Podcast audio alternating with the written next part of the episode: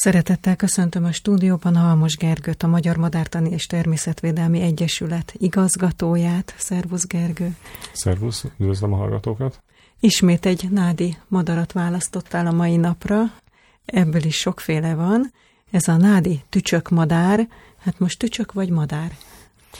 Madár, de tücsöksége is van valamilyen szinten, mert ez a faj, és hát igazából az egész fajcsoport arról kapja a nevét, tehát a tücsökmadarak, hogy egész rovarszerű hangjuk van, és ezért, hogyha az ember nem látja, akkor sokszor azt hiheti, hogy egy rovarral van dolga, csak amikor már ezt megismeri a hangját, és össze tudja kötni, akkor válik világossá, hogy itt emögött egy madár van. Egyébként sokaknak nem is rovarszerűnek, hanem egész gépszerűnek tűnik ez a hang, amit kiadnak. Én úgy hallom, mint a nagyon magas feszültségű elektromos vezetékek alatt, ha elmész, van egy ilyen egyenletes, ilyen elektromos igen, zaj, igen de van, aki a horgász orsó tekeredéséhez hasonlítja. Hát igen, azért mondom, hogy ez ilyen gépszerű, vagy hát valamiféle mm. mesterséges hangnak is tűnhet, meg persze azért a rovarok is tudnak ilyen jellegű hangot kiadni, tehát ahhoz is lehet hasonlítani. Legtöbbször a nád közül énekel, és amikor halljuk, azt is nehéz megállapítani, hogy honnan szól, mert ez a tücsök jellegű hang, ahogy terjed a nád meg a víz segítségével nem nagyon könnyen belőhető, hogy milyen pontról jön, és nehéz megtalálni a madarat.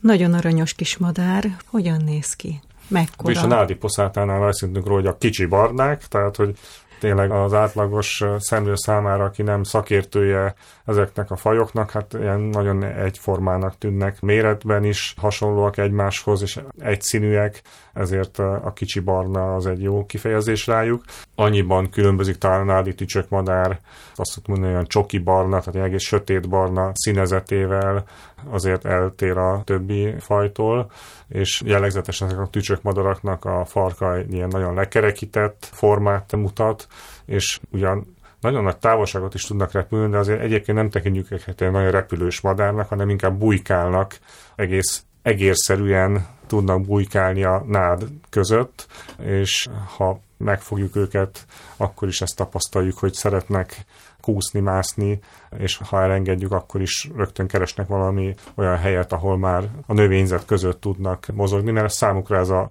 legotthonosabb és a legbiztonságosabb közlekedési mód. Nagyon nehezen tudja más ezt eh, leutánozni.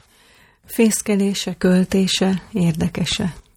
Igazából nagyon hasonló más nádi fajokhoz, és ugyanúgy, ahogy korábban beszéltünk például az énekes nádiposzátáról, ez is egy hosszú távonuló faj, amit néha nehéz elhinni. Pont azért, hogy viszonylag olyan rövidebb, kerekebb szárnya van, meg ismerjük ezt a viselkedést, amit próbáltam itt körülírni, hogy, hogy mozog a vegetációban, az ember nem gondolja, hogy hosszú távon tud repülni, de hát ez a faj is Szaharán túli területekre vonul, és ott tölti a telet, tehát valamikor azért képes hosszú távot eh, lerepülni, annak ellenére, hogy egyébként nem eh, igazodott a madárnak a felépítése, hanem inkább a nádba bujkáláshoz.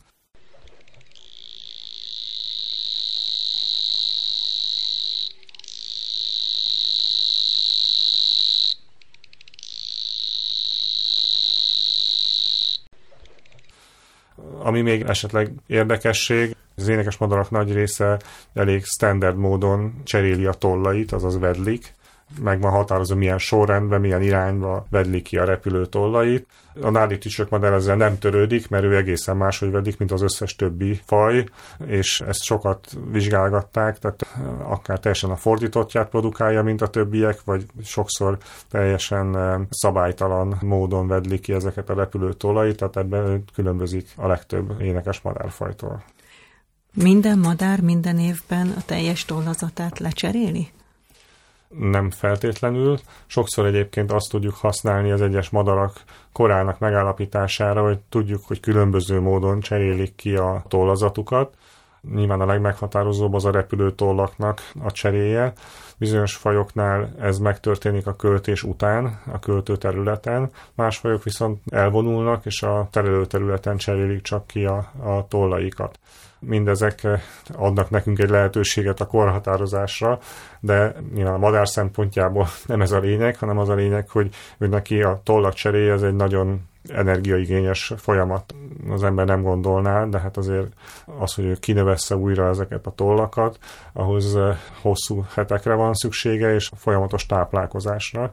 Fehérje szükséges hozzá. Igen, nem? tehát is optimalizálni kell számára az, hogy ezt mikor tudja megcsinálni, ahhoz képest, hogy egyébként hogy vonul, ennek a távot kell megtennie, ahhoz éppenséggel milyen minőségű tollakkal rendelkezik, tehát hogy ezekből alakulnak ki azok, hogy különböző módon cserélgetik a tollaikat. De énekes madarak nagy része talán mondhatom azt is, hogy az összes énekes madár azért kicseréli a teljes tollazatát minden évben, de ez nem igaz nagyobb termetű madarakra, amik sokszor csak fokozatosan néhány tollat cserélnek évente, és ez is van az, hogy például, amit említettem ragadozó madarak esetében, hogy amire elérik az ivarajat kört, akkor átszíneződnek, ez sokszor azt is jelenti, hogy ők évente csak bizonyos mennyiségű tollat cserélnek le. Az is érdekel, hogy ha kihullatja például a szárnytollát, vagy a farktollát, akkor hogy tud repülni? Hát igen, ez egy érdekes kérdés, mert hogy erre is különböző stratégiák vannak. Tehát amikor mondjuk az átlagos vedlési ütemben zajlik ez, a legtöbb madár egyszerűen nem vesz annyi tollat, hogy röpképtelenné váljon, vagy ez jelentős problémát okozzon. Végig röpképesek, csak nagy távolság esetén optimálisabb számukra, hogy egy teljes tollazattal tudják ezt megtenni. Vannak olyan fajok, akik meg arra hajtanak, hogy ők minél gyorsabban elvégezzék ezt, és ezért akár röpképtelenné is válhatnak, olyan sok tollat hújajtanak ki.